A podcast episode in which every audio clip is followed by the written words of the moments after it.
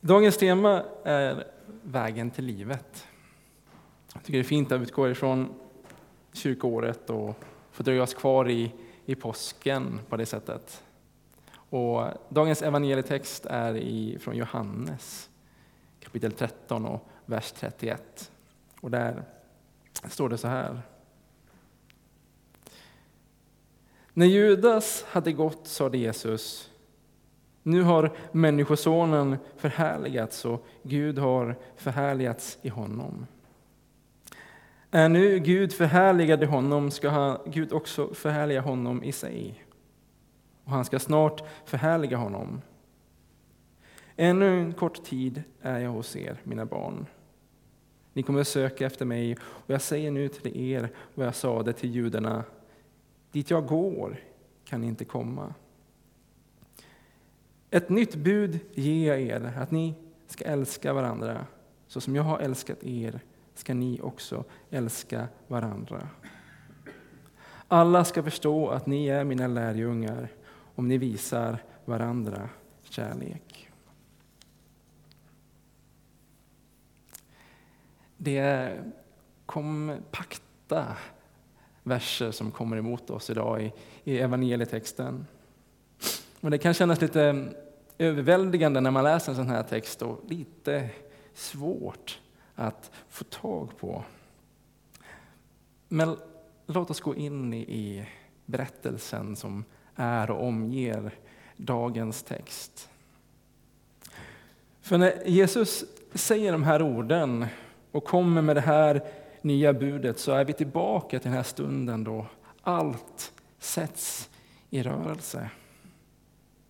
Vi läser att Judas, han har precis gått sin väg för att förråda Jesus. Och i och med det så är den här kedjan av händelser satt igång. Snart kommer Jesus att dö. Och Jesus vet det.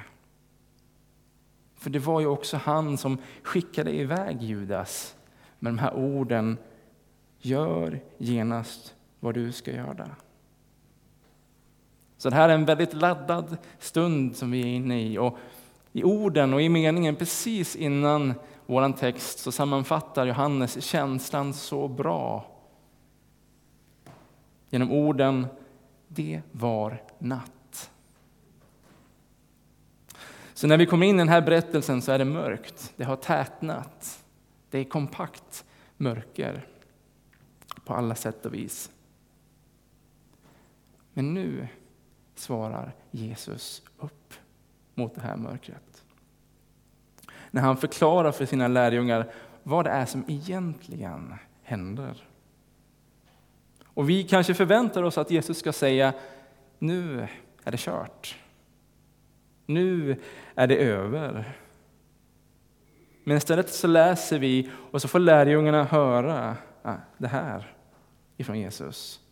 Nu har Människosonen förhärligats. Och istället för den här nedstämda stämningen så märker vi av en upprymdhet och en jublande, bubblande glädje inom Jesus i det han får fram här. Och Det är som att han tänder ett ljus, en lampa, mitt i det här kompakta mörkret. Och jag tycker nästan att det är som att han dimrar upp också det här ljuset till full styrka. Så att det blir bländande när han säger de här orden förhärligats, förhärligats, förhärligats hela fem gånger på bara de här två första meningarna. Det blir väldigt mycket och nästan lite ljust som vi får svårt att få tag på det här. Förstå hela innebörden i vad det är Jesus vill säga, men jag tycker det är så bra när man kämpar med Bibeln ibland och har svårt med att få tag på vad texten säger. Att gå och få lite hjälp. Och jag tänker att en bra hjälp det är sådana som har tänkt mycket. Och en översättning som jag tänker på, som jag har gott om hjälp av, det är The Message. Som kanske inte får med allt, men som hjälper oss en bra bit på vägen och som ger ljus över den här texten på det här sättet. För han översätter så här Eugene Peterson. Nu syns det vem Människosonen verkligen är. Och i honom syns det vem Gud verkligen är. Så fort någon ser Gud i honom blir Guds storhet synlig. När han låter honom hyllas blir han själv hyllad. Vilken ära! Ja, här syns det vem Jesus verkligen är genom Jesu död på korset. Där tänds ljuset, hoppet för oss alla i vårt mörker. Och där på korset blir det som tydligast för oss vem Gud innerst inne är. Guds storhet och hans härlighet och att han är en Gud som är kärlek rakt igenom. Det är Gud och det är vägen till Gud som Jesu död och uppståndelse lyser upp för oss. Och Gud förhärligas. Samtidigt förstår vi i den här texten också om att det är Jesus som allt handlar om och som Gud vill att vi ska få syn på. Vem han är och vad han har gjort. Så att Jesus blir hyllad och Gud blir hyllad genom Jesus. Så kort och gott så sätts Jesus i centrum här utav allt. Han blir utgångspunkten i våran tro och centrum för våran tillbedjan och våran lovsång just på grund av vad han gjort för oss på korset. Och nu när Jesus har fått ur sig det här, upprymt, sagt det här om att han är på väg att förhärligas och tänt det här starka ljuset mitt i natten, så kommer han till sina lärjungar också med ett nytt bud. Men det är inte riktigt lika krångligt att förstå när Jesus säger de här enkla orden till lärjungarna. Att älska varandra. Det är enkla ord. Och på många sätt så är de inte heller så nya för lärjungarna. För det här har ju funnits i bud sedan tidigare om att de ska älska Gud och älska sin nästa. Men det finns något nytt här. Och ett otroligt djup i det som Jesus säger och som vi kan spendera hela våra liv i att utforska. Och Det handlar om den här kärleken som uppenbaras i Jesus. Att hans lärjungar och hans församlingar är kallade till att älska varandra så som Jesus har älskat dem. Och Vi förstår också att det här budet är så centralt och så avgörande för hans lärjungar och för oss. När Jesus säger att den här inbördes kärleken, att det är den som uppenbarar för alla att vi är just Jesu lärjungar, att vi är hans församling, hans kyrka. Ja, älska varandra, säger Jesus. Och han ger sig själv som förebild i hur vi ska göra det. Och I Johannes evangeliet har vi också precis innan den här texten fått ett väldigt fint och bra exempel när Jesus tvättar lärjungarnas fötter. En handling som visar för oss vikten av att vi bjuder in och kommer varandra nära i livet. Det är en obekväm resa dit och lärjungarna de har vandrat tillsammans med Jesus och med varandra ett ganska bra tag nu. Men man märker i den berättelsen att det här ändå blir lite jobbigt för dem. Det här med att älska, men kanske framför allt låta sig bli älskad av andra, betjänad av andra. Älska varandra, säger Jesus till lärjungarna som skulle utgöra den här första församlingen. Och det låter väldigt vackert. Men det kan också låta lite exklusivt och lite instängt. Att bara älska varandra på ett sätt. Och visst finns den risken. Men då tycker jag om den här bilden av lärjungarnas smutsiga fötter. Som visar på att de har varit ute mitt i världen och levt sina liv. När de har följt Jesus. Och jag tänker att de här smutsiga fötterna visar att församlingen idag också är kallad det. Att leva sina liv mitt i världen.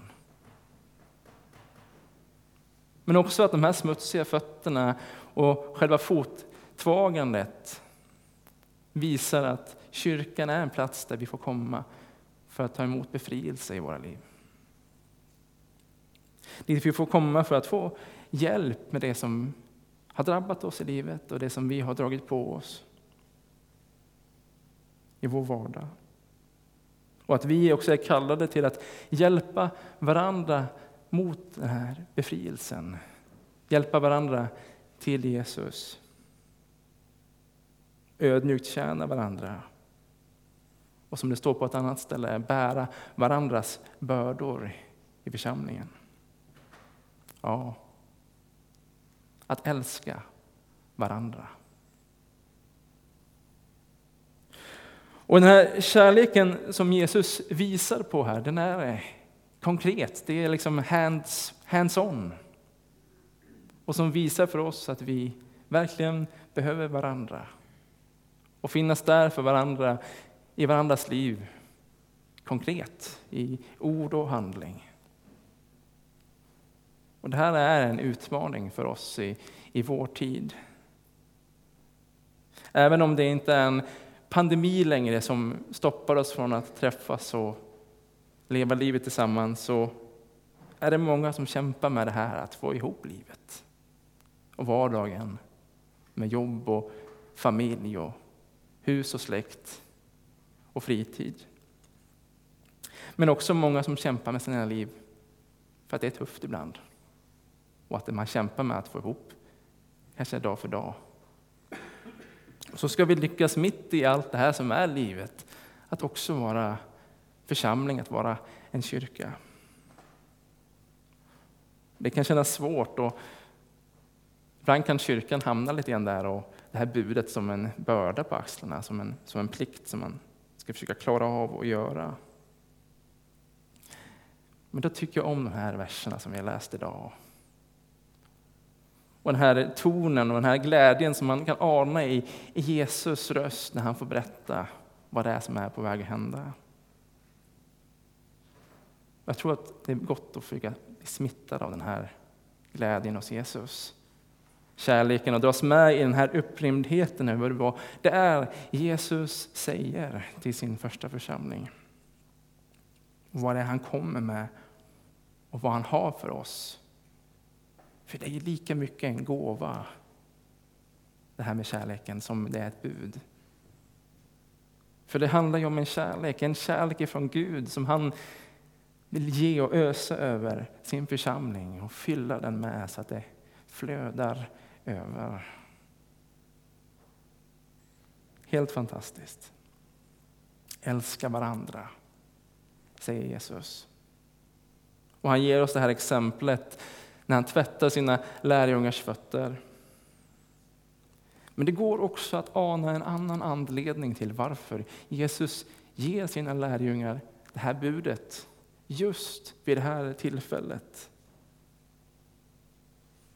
För det är ju så att Jesus han har precis tänt ljuset och uppenbarat en ännu starkare bild på vilket sätt som han älskar dem på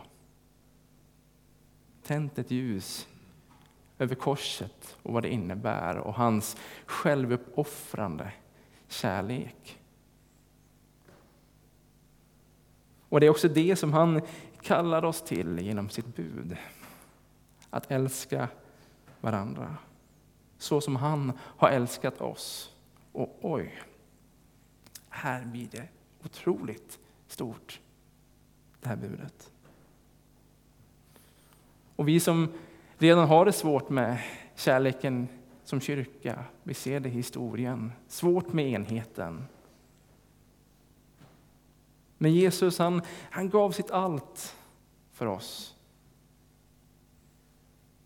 Han kallar oss till det när han säger till oss att älska varandra. Men hur det här offret och hur den här kärleken tar sig uttryck i våra liv, det ser olika ut. Och vägen för oss alla ser lite olika ut.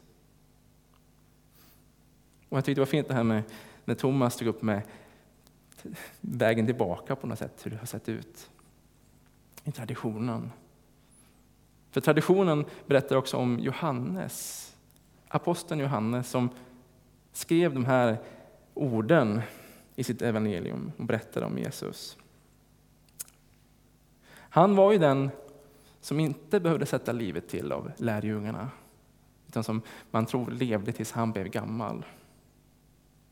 Men samtidigt så är det ju han som vi verkligen förknippar det här kärleksbudskapet med, för det lyser fram så mycket i hans evangelium och i hans brev som han har skrivit. Och traditionen berättar om att Johannes, när han var gammal, när han inte orkade säga så mycket mer, att man ändå ville ha fram honom i församlingen så han skulle kunna dela något ord till dem. Och att han då skulle sagt de här enkla, väldigt stora orden som vi hittar i dagens text.